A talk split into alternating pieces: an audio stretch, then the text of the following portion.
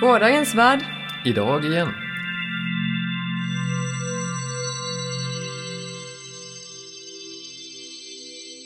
Så var det dags för en, en ny podd. Eller eh, kapsel. Vi är tillbaka igen. Mm. Vad trögt det går ibland att få till att spela in.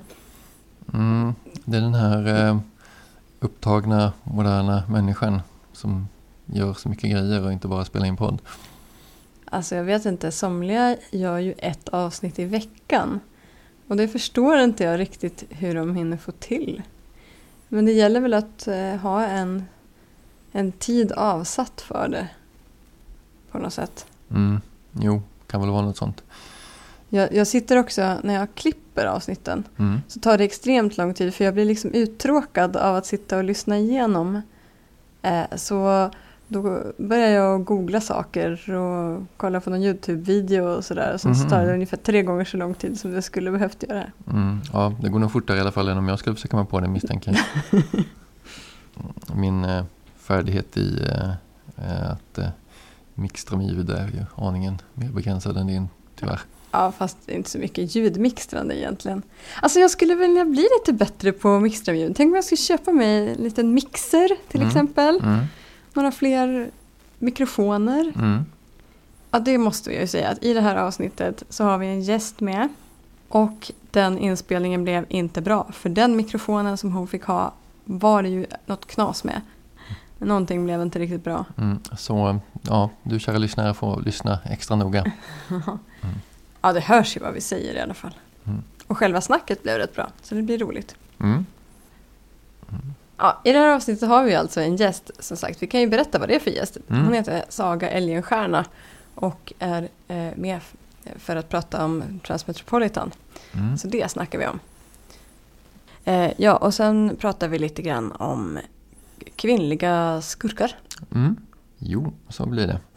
Eh, och eh, Fast apropå det där med att koppla ljud och sådär. Det är ju ganska roligt att ha någon sån där praktisk hobby för sig. Jag tycker att jag gör väldigt lite sånt. Jag sitter ju jämt bara och läser och skriver och läser och skriver. Mm. Mm, Det är väl ehm, Det är väl lite som eh, jag har sagt ibland på jobbet. Jag sitter vid en eh, dator och gör massa grejer. Men jag rör nästan aldrig själva datorerna. Och det har hänt sig vissa gånger att det faktiskt har kommit en lastpall med datorer som behöver kopplas in och man får trycka i strömmen och koppla in sladdar. Och jag har sagt till mina kollegor vid dessa tillfällen att oj, idag känns det som att man har jobbat. Ja men eller hur! Jag älskade ju att installera detektorer Mm. och eh, kalibrera och sånt där. Det var ju det bästa jobbet när jag höll på med forskning. Dra sladdar. Ja, eh, mycket tillfredsställande att faktiskt göra något med händerna och se att det blir något. Mm. Jag borde göra mer praktiska saker. Ja, men jag är så hopplös till vardags. Eh, Jag börjar på ett litet projekt och tänker det här är något enkelt, roligt, kreativt. Ja, men jag ska sy ett sadelskydd till cykeln. Mm. Ja, Det låter kreativt. ja och sen så Praktiskt och användbart till och med. väldigt användbart. Och sen så börjar jag. Och så tycker jag att ja, men det här var ju jätteroligt. Men sen förhalar jag det och skjuter upp det och gör något annat istället. Och sen den där enkla lilla grejen som jag tänkte göra som man skulle kunna bli klar på en kväll tar liksom tre veckor. Mm. Eller när jag skulle byta däck eh, på cykeln senast. Byta till vinterdäck på cykeln. Då tog jag in cykeln, eh, ställde den i källaren och tänkte att imorgon bitti gör jag det. Mm. Och sen så kom jag på att jag måste nog diska det här. Jag ska nog flytta på de här papperna. Jag ska... ja, men vet, varför tar jag inte bara byter däck på cykeln? Mm. Varför? Ja, är det det kanske att det, det är både den här viljan att jag vill göra någonting annat, göra någonting fysiskt och konkret och praktiskt. Men sen finns det där att om du blir färdig med det, du kan använda det. Och då finns det lite press att det faktiskt ska bli gjort. Och då blir det liksom på något vis jobbigt och då skjuter man det framför sig. Jag vet inte, jag tror att det kanske har att göra med att jag inte har farten uppe. Mm. För det brukar vara så med ganska mycket, eh, i alla fall i min erfarenhet. Att om jag gör en sorts sak väldigt mycket, då är det bara att fortsätta. Man kör på med, med äh, den fart som redan finns. Mm, man har lite flow redan. Ja, det finns styrfart, det är liksom inte no, no, man måste knuffa igång det. Mm. Men när det är någonting som jag inte brukar göra då kan det vara rätt enkelt. Men det är liksom jobbigt att växla över hjärnan och kroppen på ett nytt spår. Ja, fast eh, får man tänka på att eh, du, du brukar säga ibland att du får den här nästan fysiska behovet av, av att promenera, att ut och röra på dig. Det är inte bara nästan fysiskt, ja, det är väldigt Nej, det är väldigt fysiskt. Medan jag inte får den där känslan. Eh, jag kan få liknande sån här fysisk känsla av att jag måste liksom få ut det här i kroppen. Men då handlar det, snarare, då handlar det nästan alltid om mitt, mitt gitarrspelande. Och jag, vill, jag, jag mm. tänker liksom på att hur skulle jag spela det här? Hur skulle det låta? Och då, då får jag liksom den här känslan i kroppen att jag vill fysiskt röra mm. händerna så att jag får fram det där ljudet. Mm.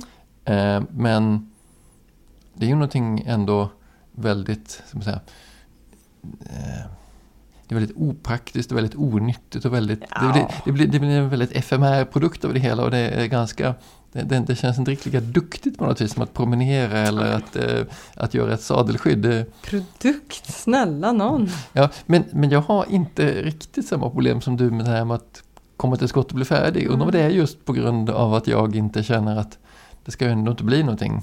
För om det skulle bli någonting då skulle jag behöva tänka på det mer och förbereda mig och kanske ta, ta med det mer med större allvar. Nu handlar det bara om att jag måste få röra på fingrarna lite och sen har jag gjort det så jag att ah, men det var bra. Ja, eller också är det det att du tittar på en massa gitarrvideor på Youtube exakt hela tiden och då har du redan hjärnan på det spåret. Och sen så behöver du liksom inte något extra för att faktiskt göra det där om du bara har en gitarr i närheten. Skulle kunna vara någonting, fast det där med hela tiden vet jag inte riktigt. Nej, men jag menar det är inte så att det sitter långt bak i medvetandet. Mm. Det låter som du kommer farligt nära någon sorts insikt här. Det, det... Jag vet inte, det är min spekulation. Mm, mm, ja, jag ska inte, jag ska inte mm. argumentera emot för jag har inga tunga argument. Jag skulle vilja bli lite mer praktisk, jag vet inte hur jag ska göra det. Jag kanske måste börja titta på lite fler... Video på folk som promenerar och gör sadelskydd? Uh, jag tror inte jag behöver titta på folk som promenerar för att komma ifrån en promenad. På riktigt faktiskt. Det är när jag får myrkrypningar i benen så ger jag mig ut. Men ja, jag kanske borde titta mer på de här eh, folk som skruvar och borrar och stickar och nålbinder och sådär. Mm. Titta, här har vi en plan. titta mer på Youtube så löser sig allt. Jajamän.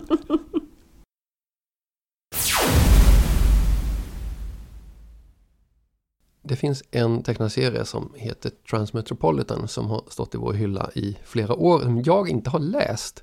Men jag har förstått att den har någonting som är har viss personlig relevans för en del här i familjen. Mm. Eh, det är science fiction men det är ur en journalistperspektiv på saker och ting. Mm. Så ja, och det tänkte vi prata lite om nu då. Och vi har ju till och med en gäst här som är relevant för ämnet. Eh, så vad heter du och vem är du? Eh, ja, jag heter Saga Elgenstierna och eh, jag är väl här för att jag är journalist och ja, gillar serier också. Men framförallt för att jag är journalist tror jag. Mm. jag skickade ett meddelande och tyckte Du, visst, visst tyckte du om att läsa serier? Gillar du det här? och eh, enligt Wikipedia så är det här transhumanistisk cyberpunk. eh, och det låter ju väldigt, eh, ska man säga?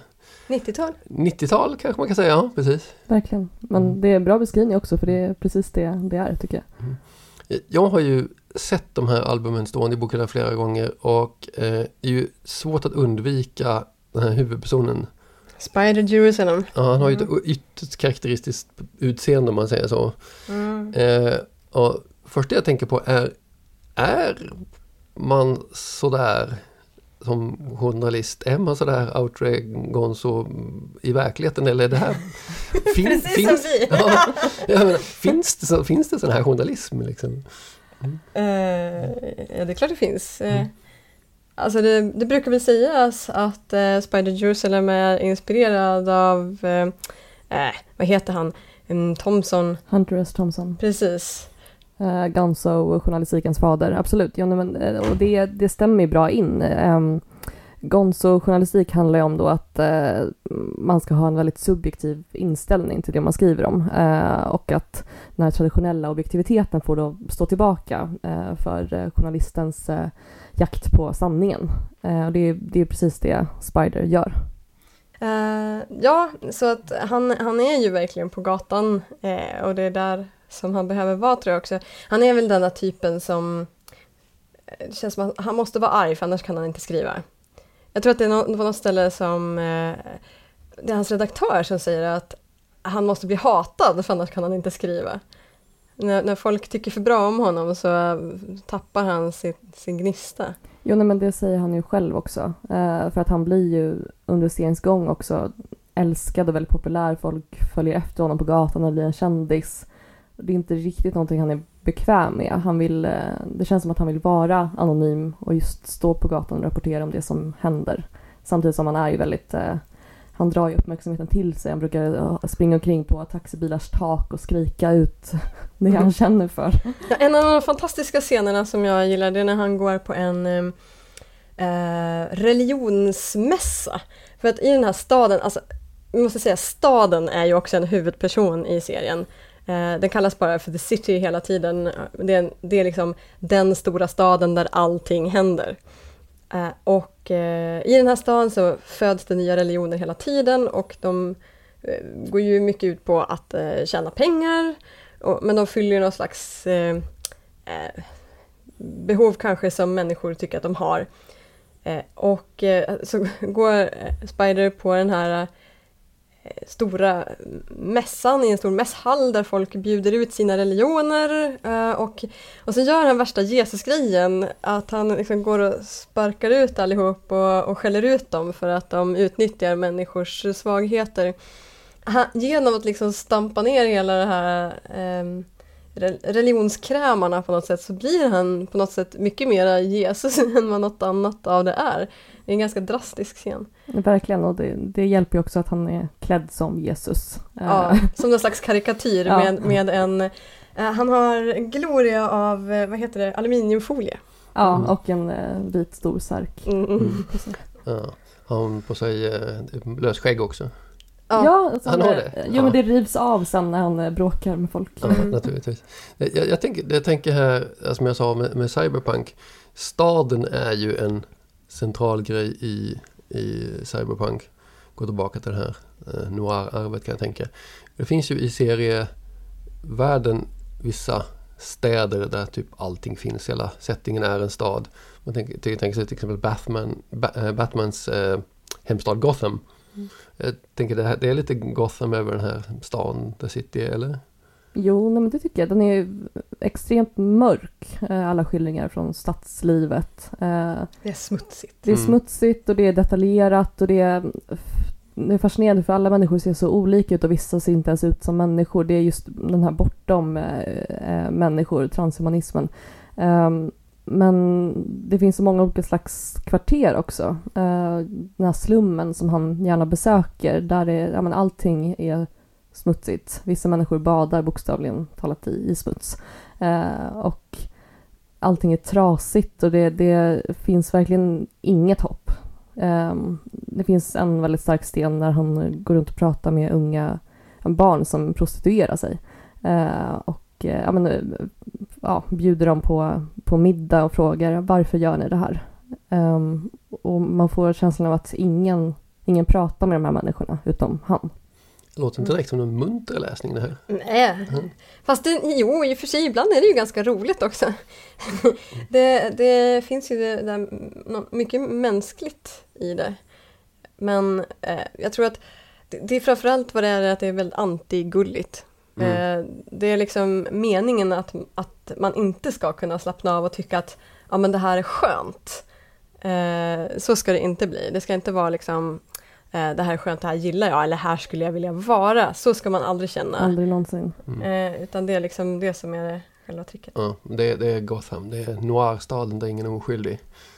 Ja men verkligen, men alltså det, det finns ju inga helgon. Alla har ju sina fel. Hans eh, eh, heter det, redaktör är ju ganska speciell och egentligen han kanske mest är sur på honom för att eh, han hela tiden vill ha kolumner då liksom bara Where's my column skriker han. Kommer sent, missar deadlines. Precis, ja det, det uppskattas ju inte men, men alla går till prostituerade, alla gör olagligheter i den här staden. Det är, de- mycket, mycket droger. Ja, mycket Till och droger. med, alltså, eh, hans, eh, han har en, Maskinen ja. ja precis, eh, eh, en sån här makermaskin, en, en eh, vad ska man kalla det? Det, det, är en, 3D-skrivare. ja, det är som en 3D-skrivare fast den, den gör ju saker av nano, eh, bygger upp saker av atomer, det är en sån Ja. nano-maker. Earl Grey, hot. Ja, lite så ja. Ja, Mm. och, eh, men men den, den är också på droger. Den, det är Ja. därför han har så konstiga glasögon. För att Ja. Men kan, du han beskriva, bestä- kan du beskriva de här glasögonen? han, han, han har glasögon som är ett, ett, ena ögat, glaset runt och det andra fyrkantigt. Och det ena är rött och det andra är grönt. Mm. Så han ser väldigt konstig ut. Det, det beror på att den här drogade saken, eh, ja, designar dem på det sättet bara. Ja, nej men då, de, det finns speciella då, datordroger Mm. eh, och man vill gärna ha en, en maker som är eh, drogfri men det är inte så lätt att få tag på en. Så eh, vad är storyn egentligen då? Förutom att det är en, en eh, journalist som lever sig in i livet på gatan och eh, drar fram eh, alla skuggor och belyser dem och an- jag antar vill förändra samhället. Är det det som är liksom storyn i det här? Alltså, han är ju snarare jakt, eh, vill få fram sanningen hela tiden. Det, det är hans eh, mål på något sätt med att, för när serien börjar så är han uppe i bergen och är så här jättehårig och skäggig och har varit borta från stan i flera år. Och sen eh, kommer han tillbaka och jag minns inte riktigt skälet, det är det att göra med politikern, presidenten, det är valet. Nej, det är, det är inte valet för det kommer senare utan det som händer först är att han måste göra klart en bok för Ja, han är skyldig pengar. Eh, och, och därför måste han komma tillbaka till stan. Så han blir mer eller mindre tvingad. Just det, för att han måste vara i stan också för att kunna skriva. Ja, han kan inte skriva när han är där ute på landet. Men han, har- han har ju också flytt därför att han inte pallade med längre. Han blev Eh. så känd eh, också Mm. eh, och fick så mycket uppmärksamhet. Och sen får man känslan också att det var, det var för mycket liksom, att hantera. Ja, men han eh, höll väl på typ att knarka ihjäl sig Ja. innan. Ehm, ja, parallellt med att han jobbar med sin bok så ska han skriva den här kolumnen för, vad är den heter nu, The Word, tidningen. Ja, Mm. kolumnen heter någonting också. Men- I hate it here. Ja, precis. Mm. I hate it here. Ja. Okej, ja. Bra titel. Mm. Det, är mycket, det är mycket starka känslor uppenbarligen. Mm.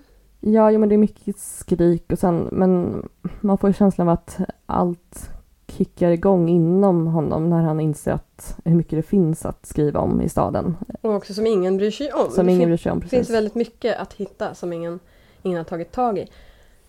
För det tänker jag på, det finns ju journalister i staden. Inte så att han är den enda journalisten, men Mm. alla journalister, alla mediebolag, de är så... Det är som att de inte rapporterar om det som händer, utan det det är bara gull och eh, sex och... eh, Väldigt mycket sex. väldigt mycket sex och väldigt nakenhet och mm, ja, men det är också någon slags framtid där alla klär sig precis som de vill och ja, opererar sig precis som de vill och allt är väldigt fritt på det sättet. Men, men att det är inga nyheter de gör, de ställer inga kritiska frågor de här journalisterna som jobbar på mediebolagen eh, och det vänder han sig verkligen emot.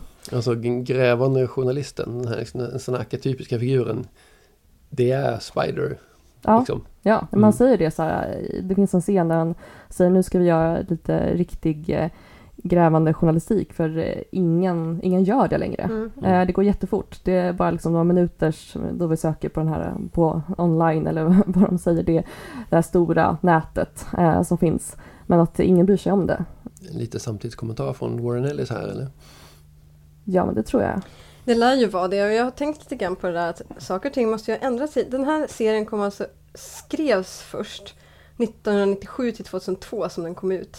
Och den känns ju fortfarande ganska fräsch. Den har stått sig rätt bra för att när jag läste om den senast då var jag lite rädd för att den skulle kännas jättegammal. Men sen tyckte jag inte att den gjorde det. Mm. Väldigt mycket cyberpunk blir ju lätt, känns ju lätt daterad vid det här laget. Ja, men det, den här gör verkligen inte det. Jag läste om den nu, eller läste den första gången under det här året eh, och eh, var fascinerad av hur aktuellt precis allting var. Mm. Och hur ja, men, all teknik kändes så här rimlig som de beskriver. eh, rimlig på ett eh, Ja, på science sätt, på science fiction precis. Men, men, men inte, inte fånig heller så att det, liksom, det här är, ja men det här är sånt vi har i vår vardag utan ja, men det, här, det här är en framtid där det här finns. Eh, världen är väldigt tro, trovärdig på det sättet men också att eh, tematiken med politikerna som är korrupta och eh, att eh, journalistiken inte skriver om det relevanta, det, det Mm. finns ju verkligen kvar. Ja, jag tänker att det är ganska sällan tycker jag som man stöter på eh, journalister i fiktionen som faktiskt gör journalistik. För att annars blir det lite så här Tintin-aktigt att eh, Ja, han är ju journalist. Ja fast han skriver ju aldrig någonting. Det är jättekonstigt, han bara springer omkring i sina äppelknyckarbyxor och, och är med om äventyr men han Mm. skriver ju ingenting. Nej, han skulle säkert kunna skriva fantastiska grejer men vi ser honom aldrig göra det. Vi Nej. får inget resultat. Men här så är det rutor då med texten som är hans kolumner. Mm. Eh, så ser vi liksom då ja, men vad, vad Spider tycker är relevant att, Mm. att skriva om utifrån det vi som läser också har sett. Och han skildrar eh, ju många spännande science fiction aspekter av samhället också. Mm. Eh, förutom de här lite så här eh, samhällskritik, satir eh, aspekterna. Nu måste jag ju förstås, när du nämner det här med texten i hans kolumner. Hur, eh, någonting man kan göra i serieform som eh, man kan inte göra i en bok där det bara är text. Att man kan ju kontrastera bilden, vad bilden visar och vad texten säger. Och ibland kan det ju finnas en klar, klar skillnad där. Man skriver så här är det och så visar bilden att nej det är inte alls liksom. Kan man se något sånt i, i, i det här också liksom? Eller får man se elände och sen så tala om att det är elände eller? Mm. Nej, men det, det är mycket... Alltså jag tror att det går väldigt väl hand i hand. Det är ingenting som säger emot det han skriver. Utan det, är- det är så här, ja men ibland är det så just, man ser elände, sen är det rutor, men ofta kan det vara att han går runt i staden och sen händer eländet liksom i bakgrunden när man ser honom gå och observera. Um, ibland är det rutor när han sitter uppe på taket och observerar och så ja, ser vi det som pågår där nere. Så jag skulle säga att det, det kompletterar varandra väldigt väl. Måste bläddra lite grann nu när vi pratar om det för att jag tycker, jag tycker att den här serien är väldigt snygg också. Den är tecknad av Derek Robertson genomgående och jag tycker att han gör eh, väldigt bra jobb. Och speciellt tycker jag att eh, Spider är väldigt uttrycksfull Otroligt. och det är väldigt snygga miljöer.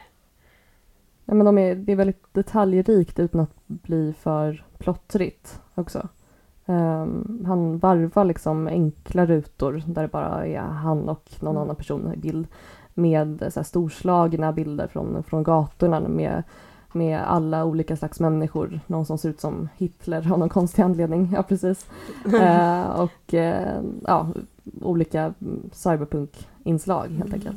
Men det finns lite intertextualitet här anar jag. Kanske man kan hitta senare gatuscener som får en att tänka på Blade Runner och annat. Ja, ja, men det är klart att det gör det. Mm. Men, Ja, eh, för, förutom Spider, finns det några andra figurer här som sticker ut som liksom gör den här serien? Så många. Eh, ja, men dels har vi de eh, karaktärerna som är med hela tiden som hans eh, assistenter. Som är ja, men, väldigt ett roligt inslag eh, såväl som ett viktigt inslag. Att han har två eh, kvinnliga assistenter, en som heter Shannon och en som heter Jelena. Mm.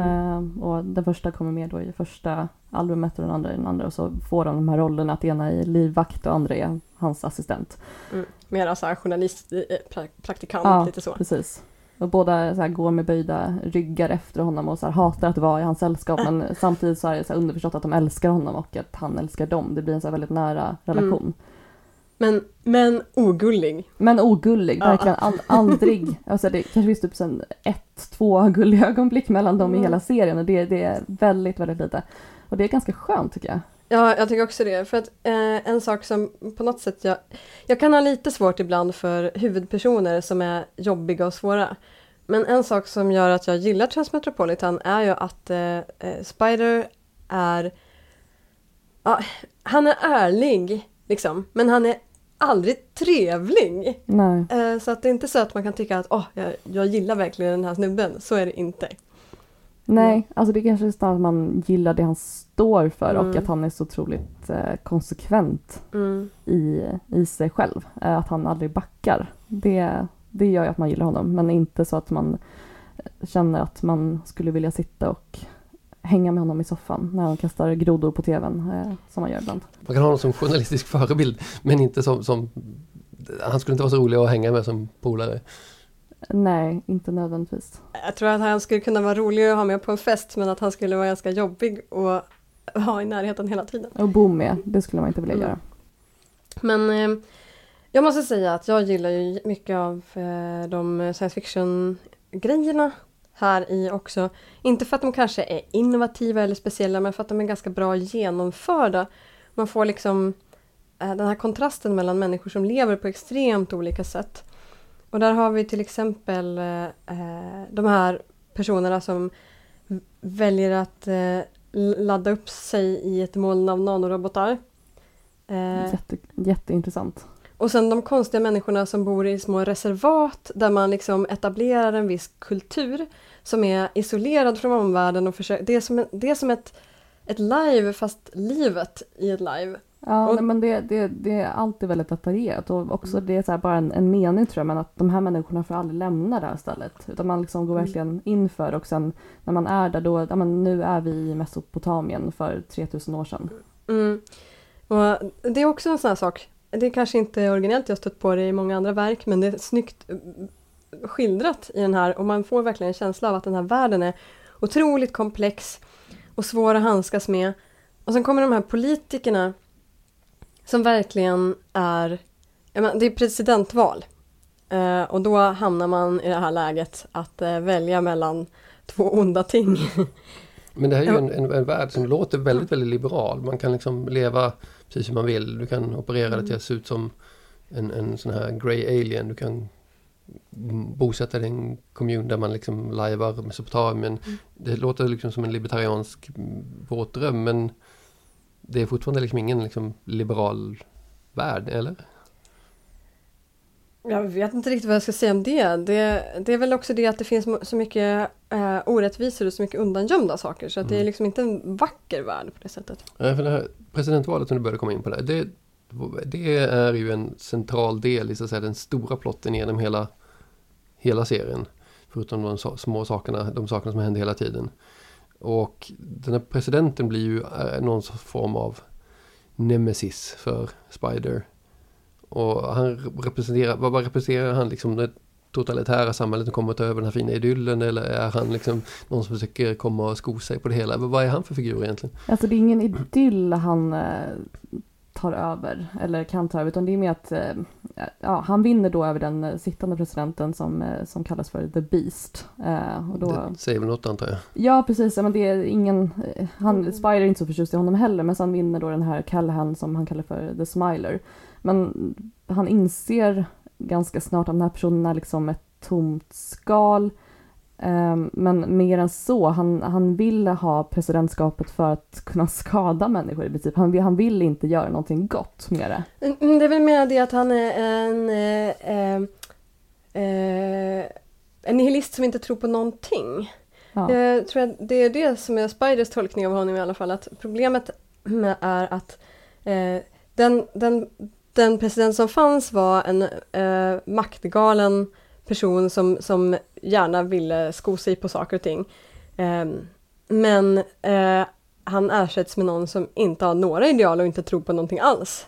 Och eh, då blir han mycket farligare. Och det visar sig att den här presidenten är fullständigt opålitlig också. Ja, men galen på ett, på ett annat sätt. Mer, Mm. Kanske inte maktgalen utan bara galen. För att han, han blir Mm. besatt av Spider Jerusalem och gör allt för att han ska eh, dö i princip. Eh, och eh, gör också ja, men, så många galna grejer. Eh, och verkar inte ens, men verkar inte ens bry sig om det. Han sitter, det finns fantastiska eh, rutor där han sitter på sitt kontor i Vita huset och det är alldeles mörkt omkring honom och han sitter där och liksom bara stirrar ut i intet. Eh, som om inget, annan, inget annat fanns Mm. utanför det rummet. Och så svassar hans assistenter runt omkring honom i, i, ja, i Vita huset. Men han ställer också till med, med mycket så här eh, komplotter och jag vet inte hur mycket man ska berätta om, om det men det, det är i alla fall inte så att saker och ting går rätt till bak, bakom kulisserna kan man ju säga. Nej, ingenting går rätt till. Utan i sista albumet, där, eller i Mm. sista två, där urartar det ju verkligen. Kan man säga. Och eh, Spider Jerusalem är den enda som, som gräver i det. Så att, men, men det är det jag gillar på något sätt, att här har vi liksom ändå en journalistroll eh, roll som är, alltså det är ett, det finns ett ideal att, att eh, en journalist ska vara den som liksom är ute och undersöker hur saker faktiskt är på riktigt. Eh, vilket är ju intressant i eh, när man tittar på lite grann de konflikterna, spänningarna som finns i medielandskapet idag. Där handlar det väl ganska mycket om att eh, journalistiken ifrågasätts på ett sätt som eh, där somliga vill ha det till att journalister representerar makten. Att det, det är inte så att journalisterna granskar makten, utan journalisterna är makten. Det är de där uppe, det, det är liksom mediaeliten. Och det är de som man ska kämpa mot. Och här har vi en, en journalist som in, verkligen är oelit. Ehm, så på det sättet är det en intressant ehm, me- journalistskildring också. Ja, men verkligen, han är ju så självständig som man kan bli Mm. som journalist. Eh, och det, det är ju verkligen ett ideal Mm. idag. Har alltid varit det. Just att man ska stå liksom helt utanför. Men samtidigt när man jobbar på en tidning då är man ju en del av ett större sammanhang. Eh, och eh, har redaktörer Mm. eh, ovan sig och under sig och folk att förhålla sig till. Och det har inte han alls egentligen. Förutom den här redaktören som man inte riktigt Mm. eh, respekterar kanske. Nej men det, det är väl både för och nackdelar därför att eh, en, ehm, en redaktion kan ju också se till att man håller sig på spåret och följer så här etiska riktlinjer och sånt. Eh, vilket eh, om man eh, inte har den där liksom, apparaten runt sig så går det ju att hitta på vad som helst i princip. För det finns ju ingen som kollar att det som Spider gör stämmer egentligen. Eh, så det, där har vi ju något, egentligen ett problem också för det kan ju handla om att man blir den som berättar bäst historier och då får man massor av anhängare och anknytning till verkligheten måste inte nödvändigtvis finnas där. Fast som läsare av serien vet vi ju, att det han berättar är sant. Ja. Absolut. men eh, som mediekonsument så skulle man inte så lätt kunna veta det och då får man ju det här problemet med var, var är trovärdigheten? Men det är lite av ett tema uppenbarligen här då att det finns, det finns en mening. Det finns någonting som är värt någonting. Ett samhälle behöver sanningssägare och folk som ger mening när, när, när allting finns att välja på. Mm. Eh, för det finns ju en jättefin eh, berättelse, en av de små berättelserna här i I berättelsen. Ja. Som handlar om de människor som blir nedfrysta i, i såna här anläggningar där man ska kunna bevara sig själv till eftervärlden när medicinen har utvecklats, så att man ska kunna återuppväckas och bli av med sina sjukdomar. Så det finns ju företag som säljer den tjänsten och det finns en massa nedfrysta människor. Hur många som helst får man känslan av. Ja. Men vad händer när de vaknar igen? Ja, det, är- det är så hemskt. Man, man följer den här processen, eh, får veta, man ser ett huvud jättegammalt, så här, det här var Mary. Eh, och eh, sen berättas det om hur läkarna ja, men, bygger en ny kropp till henne, restaurerar hjärnan, eh, fixar till huvudet, hon blir liksom ung igen eh, ja, och, och vaknar och sen så går hon ut på gatan och svimmar direkt för att det är så Det är framtidschock. framtidschock och sen men det, det är ju rimligt kanske att vara chockad av att se allt som har förändrats men sen ingen bryr sig om de här människorna alls. De sover på härbergen och eh, är bara borta ur folks medvetna. Ingen vill, ingen vill ha med dem att göra alls. Förutom, ja, Spider pratar ju då med henne. För att det finns så mycket historier att berätta här. Precis. Men, men som blir liksom bortglömda. Ja, hon eh, har ingen plats i det här samhället Mm. alls. Och det får man ju känslan av att de här eh, återuppväckta, de är inte ensamma om att vara i den positionen. Det är så många grupper som, som samhället som i sig inte bryr sig om. Eh, folk går runt på gatorna i sina egna världar. Man får inte känslan av att folk umgås så mycket. Det är liksom inte den här det finns inget, och även om det, ja, det behöver inte vara att vi förespråkar en svensk välfärdsstat här, men, men att det finns ingen, ingen känsla av att folk har kompisar. Folk går runt själva på gatorna tycker jag, eh, i sina egna världar med teknik kring öronen eller flyger Mm. fram eller eh, sitter hemma med sina drogpåverkade makers. Men det, det är lite oklart vad som finns mer Ja, det. än det. Man ser inte så mycket av vad människor faktiskt har för, för liv. Så. Men det finns ju glimtar av det fina livet också. Människor som har det väldigt uppstyrt och tjusigt. Som man bara skymtar i ögonvrån ibland. Så den biten existerar men man vet inte heller vad de är och vad de gör. Nej, men också som du säger att allt det utgår väldigt mycket från staden då, the city. Det är, liksom, Mm. det är där vi ser livet skildras och sen finns det ju ett, fler ställen folk bor på men det, det betonas mycket just att det är staden som är viktiga också i, i valet till exempel. Så om du skulle sammanfatta den här serien. ehm, varför, varför ska man läsa Transmetropolitan? Är det, är det värt? Ja, definitivt, även om man inte är journalist. Men om man är journalist så tycker jag att det är väldigt intressant att läsa den just för att, som du säger, så fokuserar det så mycket på journalistens arbete. Att, ehm, kanske inte på själva skrivande processen med att sitta och välja ord och sådär, för det är liksom någonting som kommer ganska naturligt för honom. Men, men även om man sitter, det finns rutor där han sitter och svettas och så här, spänner armarna och eh, gnisslar tänder, men han skriver för att han bryr sig Mm. eh, och vill att det är någonting som världen ska se. Och det tror jag, det är väl en ganska bra drivkraft egentligen som journalist. Men eh, om man inte är jätteinne på det spåret så eh, ska man absolut läsa den för att det är jättebra cyberpunk och eh, en väldigt intressant framtidsskildring.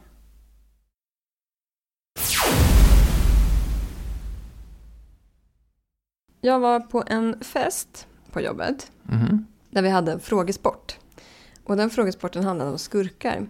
Och sen efteråt så kom samtalsämnet upp hur mycket kvinnliga skurkar det finns och, eh, eller hur få. Mhm. Och hur lätt eller svårt det är att komma på kvinnliga skurkar. Eh, Och det var fiktiva gestalter det handlade om alltså?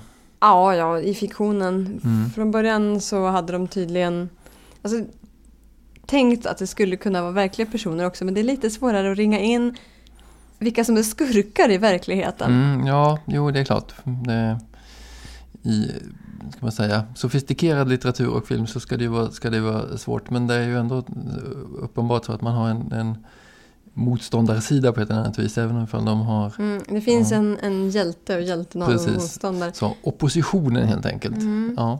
Men faktum är att Mm. det är ju inte så himla eh, ren, eh, rena kategorier eh, eh, i fiktionen heller. Det kanske beror på lite vilken sorts fiktion vi pratar om. Jag, jag brukar ju säga det att jag inte har någon vidare koll på det här med superhjältar. Det är Mm, en mm. diskurs jag inte är inläst på. Men jag inbillar mig där att det är en värld där hjältarna är, är klart hjältemodiga och skurkarna är superskurkiga och det kanske är lite svartvitare där. Men som sagt, nu, nu kanske jag är ute på tunn is. Jag tror att vi ska undvika att veckla in oss i superhjältevärlden. Mm. Ja, Eftersom... Så, då rusar vi vidare till, till, till något helt annat. Mm, Eh, myter och historia istället. Där finns det ju lite skurkar, eller vad man vill säga. Ja, och där är det ju ofta så att eh, det är tydligt liksom vem som är ond och god Mhm. på något vis. Ja. Fast man kan ju alltid omtolka de där historierna. Det finns ju jättemycket sådana exempel på figurer som har plockats upp och tolkats om Jo, i olika Ja. omgångar. Jag menar Morgan Le Fay. jag tänkte säga just det. Morgan, Ah! Morgana Le Fay och eh, Grendels mor. Ja, just det. Oh. Alltså Grendels mor, Ja. vilken läskig figur. Hon är ju ett läskigt monster, Ja. men det är ju också en sån här... Om det är någon från- som möjligtvis inte känner Om du inte har läst Beowulf så ja, gå ut och gör det. Eh, det är ju ett sån här klassiska kvinnliga skurkar, monster eh, som i, har varit väldigt tacksamma att göra en ny tolkning av och, och eh, eh, säga vad man vill om, om eh, Angelina Jolie i Beowulf-filmen men Alltså Men är det det- en film? ja, Det här har jag missat. Ja, det här har jag missat helt och Det är en hållet. ganska märklig sak. Men eh, När kom den? Ja, när kom den? Den kom på 2000-talet. Okej. Mm, Ja. mm. Den, det är ju en eh, ja, definitivt en ny take på, på, på mycket kan man väl säga. Mhm, mm. Annars så tänker jag med den mest klassiska litterära skurken, kvinnliga skurken som finns måste väl vara Lady Macbeth. Ja, ja. Just det. Oh, jag har Macbeth så otroligt dimmig i, i mitt minne. Så jag kan nog inte säga någonting om det. Men visst, ja, som, som liksom ikon, Mhm. absolut. Mhm. Jo, jag har faktiskt inte läst Macbeth själv på några år nu så jag har inte det jättefärskt i minnet. Men det, det är ju eh, som i, i, i Shakespeare är det ju ofta sådär att det är väldigt eh, det, det är väldigt dubbelt det där. Alla figurer spelar ofta många olika roller och ibland är de lite som, som Hamlet, lite vankelmodiga och är eh, väldigt handfast onda eller handfast goda och sen vacklar de lite däremellan sådär. Och jag tror att Lady Macbeth är en sån här klassisk skurk som man kan läsa både som, som ren onding och som en, en komplexare intressant figur. Macbeth som, Ja. som, som eh, driver, eh, driver sig själv i, i avgrunden eller är det möjligtvis Lady Macbeth som driver honom dit och sådär. Liksom, i spelet däremellan, det är ju intressant liksom. Mm. Mm.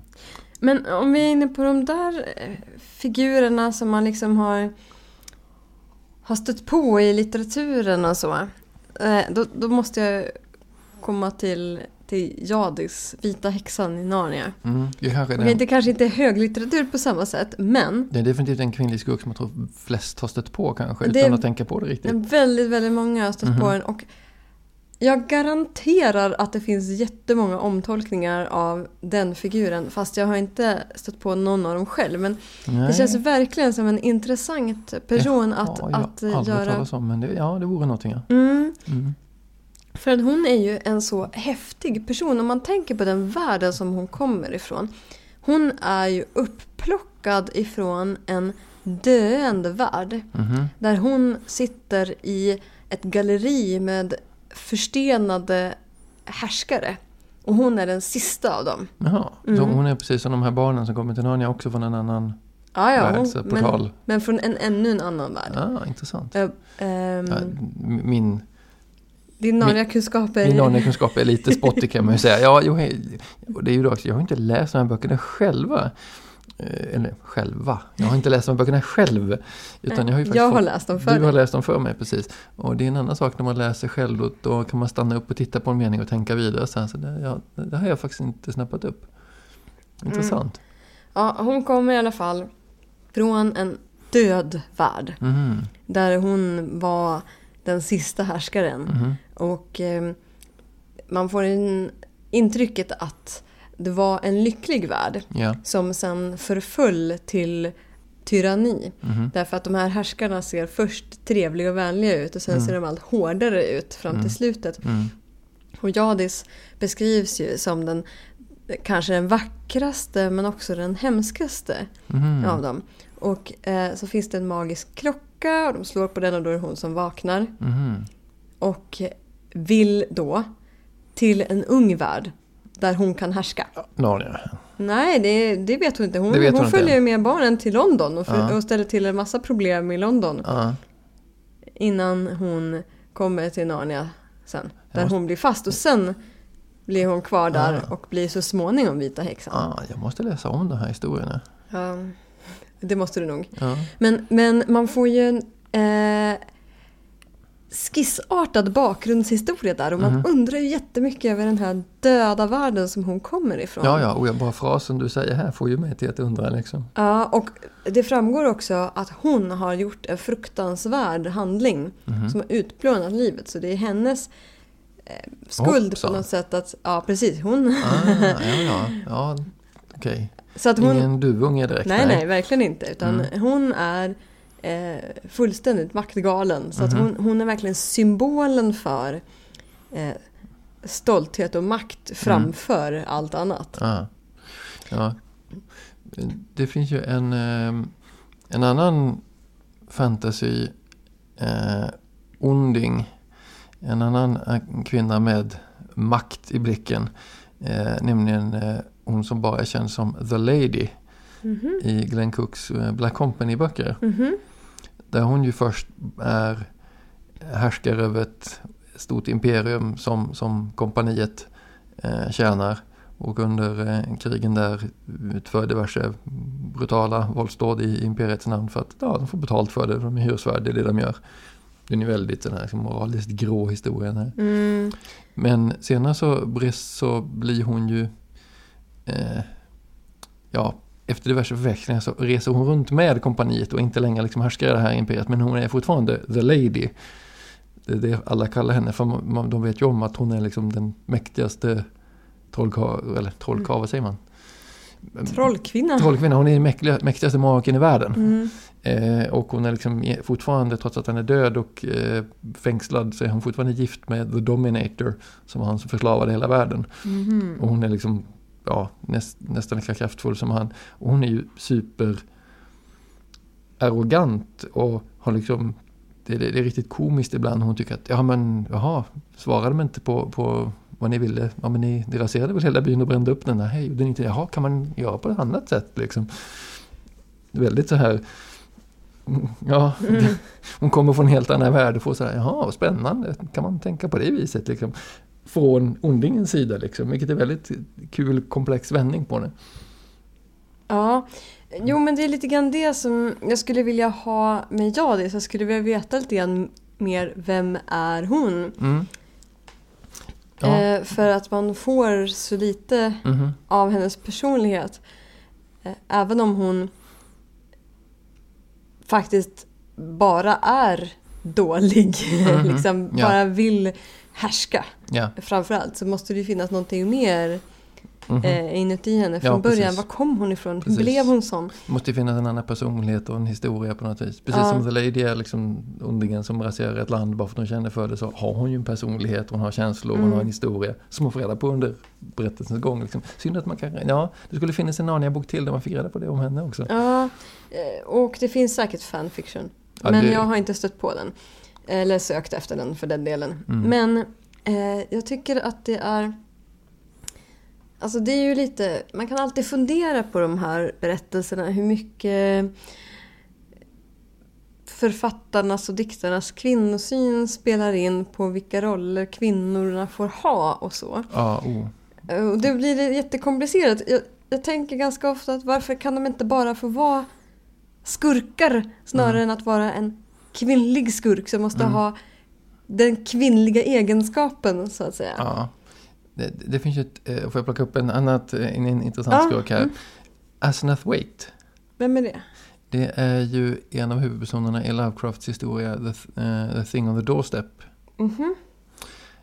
Och hon, eh, hon är ju en ung kvinna där som eh, i byn som eh, huvudpersonens vän Edward Pickman Derby Mm. blir förälskad i och gifter sig med. Och sen så kommer han, Edward då, lite då och då hem till sin vän och berättar om det senaste. Och hur hans hustru beter sig, beter sig mer och mer märkligt och konstigheter och sådär. Och hon är ju i själva verket då eh, ute efter att ta över hans kropp genom att betvinga honom mentalt och sen flytta in i hans kropp. Jaha. Ja. Eh, och sen sägs det väl aldrig riktigt i berättelsen men det antyds att hon egentligen inte heller är Asenath Waite utan hon är Ephraim Waite. Sin, det är hen- hennes far som liksom har betvingat henne och liksom mentalt våldtagit henne och tagit över hennes kropp liksom. Och nu tänker han ta över Edward Derby. Eller så är det Asenath Waite som är eh, som, som är, är i den här kroppen och mm, desperat vill ta över Edward Derby. Eh, för hon, eh, för hon eh, gormar ju och skriker en massa och förbannar det faktum att hon är född som kvinna. Mhm. Hon, hon vill bli en, en fullständig människa som kan utföra den här, den här, den här magin som hon, hon studerar. Kan bara utföras som en manlig hjärna. Okej, för det, det är väl ganska typiskt det här med att män det är människor Mm, mm. och kvinnor det är de som är, har den speciella egenskapen kvinna då. Ja. Som är undantaget, den Mhm. andra sorten. Det, ja. Och det- Men det, i det där fallet tycker jag det är lite intressant. För många gånger så eh, tänker man ju sig att det här eh, kvinnor har någon sorts så här extra kontakt med naturen. Lite, du vet, den där Ja. typen av hokus pokus. Det har ju använts i, i fantasy-sammanhang att göra kvinnor lite mer magiska på något vis. Ja, just det. Oh. Ja. Fast där har, du alltså, här har vi då Jasna Freight, en, en, en kvinna som saknar den kontakten med magiska för att hon inte är man i det här fallet. Ja. Ja. Jo Men- förresten, det, det måste jag säga att det finns en, en, en kvinnlig skurk som definitivt är en onding på, på liksom klassiskt genom ont vis, men ändå som är en onding som man på något vis kan sympatisera med Mm. och som har positiva sidor. Nämligen Dr. Elsa Schneider i Indiana Jones and the Last Crusade. Oj, påminn mig. Den här personen står inte fram i, för min inre syn. Det är ju den här nazistiska blondinen som eh, först skärmar Henry Jones Senior Oj, ja, hon och sen, ja. och sen Ja, ja, ja, okej. Jones Mm. Junior. Alltså det är lite blä, men okej. Ja, precis. Det finns, det, oh, det finns definitivt eh, hmm-faktor där. Ja. Men, men hon, även om hon nu då säger mot slutet att ja, men jag vill egentligen bara, jag gjorde det för gralens skull och, och, och jag är inte liksom, men hon är uppenbarligen ändå, hon har inte fattat poängen med gralen. Mm. Men, men hon har ändå sökande efter, efter, efter kunskap, sökande efter vishet, den här symbolen som gralen är. Mm. Hon är liksom på questen fast hon har inte riktigt fattat poängen med den. Hon är en Mm. intressant figur på det viset faktiskt. Ja, i och för sig. Och så finns det jättemånga roliga komiska eh, och eh, dramatiska scener i filmen som jag älskar. Är mina, mina favoritfilmer. Okej, nu, nu är vi inne på film. Nu tänker jag göra ett raskt eh, skutt till en annan genre. För att en skurk som jag vill nämna, som jag tycker är en av de coola skurkarna på film, Mhm. eller som har gjort intryck på mig, det är eh, Klebb, Rosa Klebb tror jag hon heter. Just det, i James Bond. Ja, eh, From Russia with Love. Den Mm. andra James Bond-filmen. Hon som har den där eh, häftiga vapnet i skon. Ja, just det, små knivblad i skorna. Ja, precis. Med förgiftat knivblad i skon. Som hon, hon, hon är ju lite häftig. Samtidigt som, som man tänker att om jag skulle gjort den här filmen så skulle jag ha gjort den helt annorlunda. Ja, ja, ja. Det, det, det gäller ganska många saker i, nej, i eh, James Bond-filmerna. Ja, precis. Men Mm. jag, jag gillar liksom eh, den skurkfiguren. Hon är en, en bra Bond-skurk. Är hon. Samtidigt som hon... Alltså det är så fånigt det här med att eh, hon ska vara lesbisk för att vara lite mera Mm. suspekt. Ja, jo, det, det det var lite extra läskigt. jättefånigt. Jo, Ja. jo, faktiskt. Eh, men eh, jag tycker att hon är en cool skurk också därför att det, det är liksom en, en skurk som är handlingskraftig och eh, ja, Ja, jag, i, actioninriktad Mhm. och inte den här eh, femme fatale-skurken. nej, just i James Bond-serien så är det ju väldigt ofta kvinnorna är ju inte precis fram till väldigt nyligen, det är de nyaste filmerna. Sen är ju kvinnorna inte direkt handlingskraftiga och har någon vidare agens eller vilja. Ja, fast du glömmer Pussy Galore. Det finns några stycken. hon, var bra innan, innan hon... Det här har vi pratat om Ja, förut. precis. Så det Innan vi. hon... Ja, precis. precis. Men, men, eh, men även, men för det här är ju en relativt tidig film ändå, där, Ja, som, det ju- som Krebb är med. Liksom. Ja, precis. Det är ju nummer två. Film Precis. nummer två. Eh, Faktum är att, eh, det får jag flika in här nu när vi ändå är inne på Bondspåret. Skådespelerskan som spelar Elsa Schneider Mm. har faktiskt varit med i en Bondfilm. Jaha. Ja, hon är med i eh, A View to a Kill under namnet Jenny Flex. Okej. Ja, jag, Alltså, har totalt, jag har totalt glömt bort vil- vem av alla figurerna som passerar förbi den filmen hon är, men hon var med i den. det finns rätt mycket Bondskurkar som är kvinnor ändå. Eh, faktiskt. Men Mhm. de är oftast inte de här mästerskurkarna. Jag menar, Klebb är ju en, en sån här överboss. Mhm.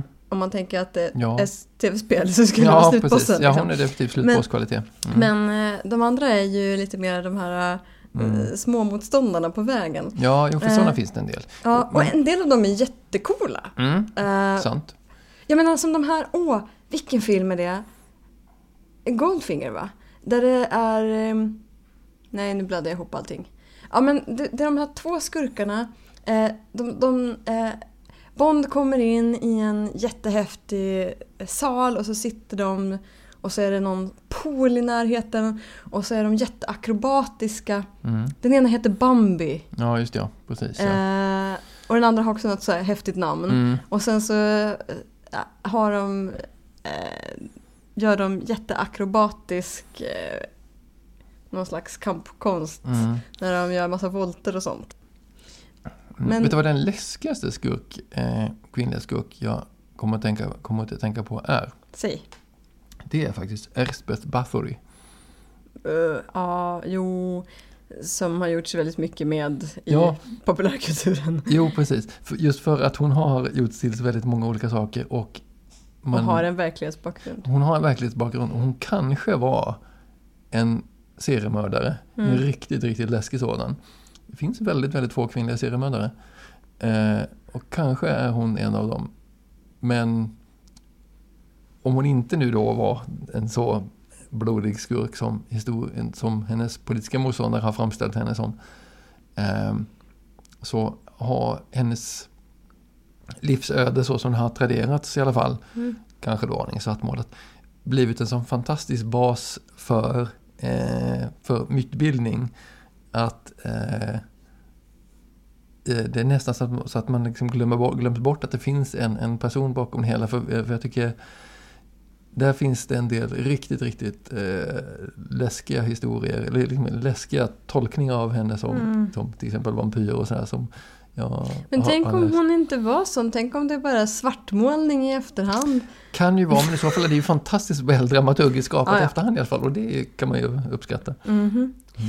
Jag ska säga, i litteraturen. Mm, Den kvinnliga skurk som har gett mig rysningar längs ryggraden mm. mest. Alltså det är konstigt nog. Måste jag säga att det är kanske Dolores Umbridge som tar hem priset ändå. Ja, ja, jo, men jag, jag kan förstå det. Ja, jag kan definitivt se vad du säger där. Ja, mm.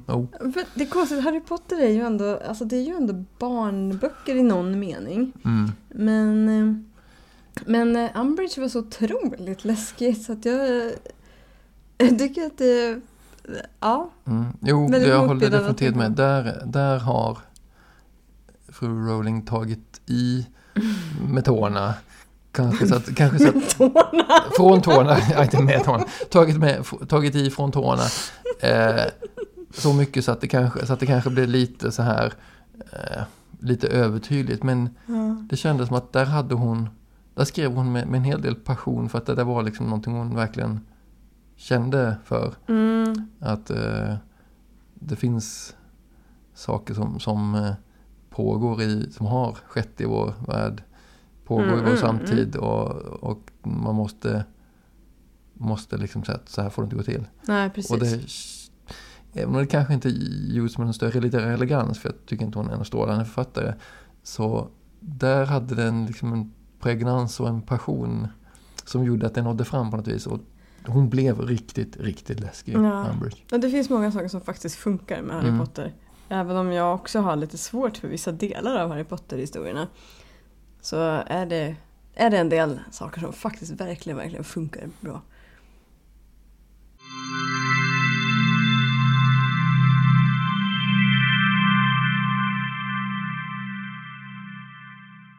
Du har hört avsnitt 36 av Gårdagens värld idag igen.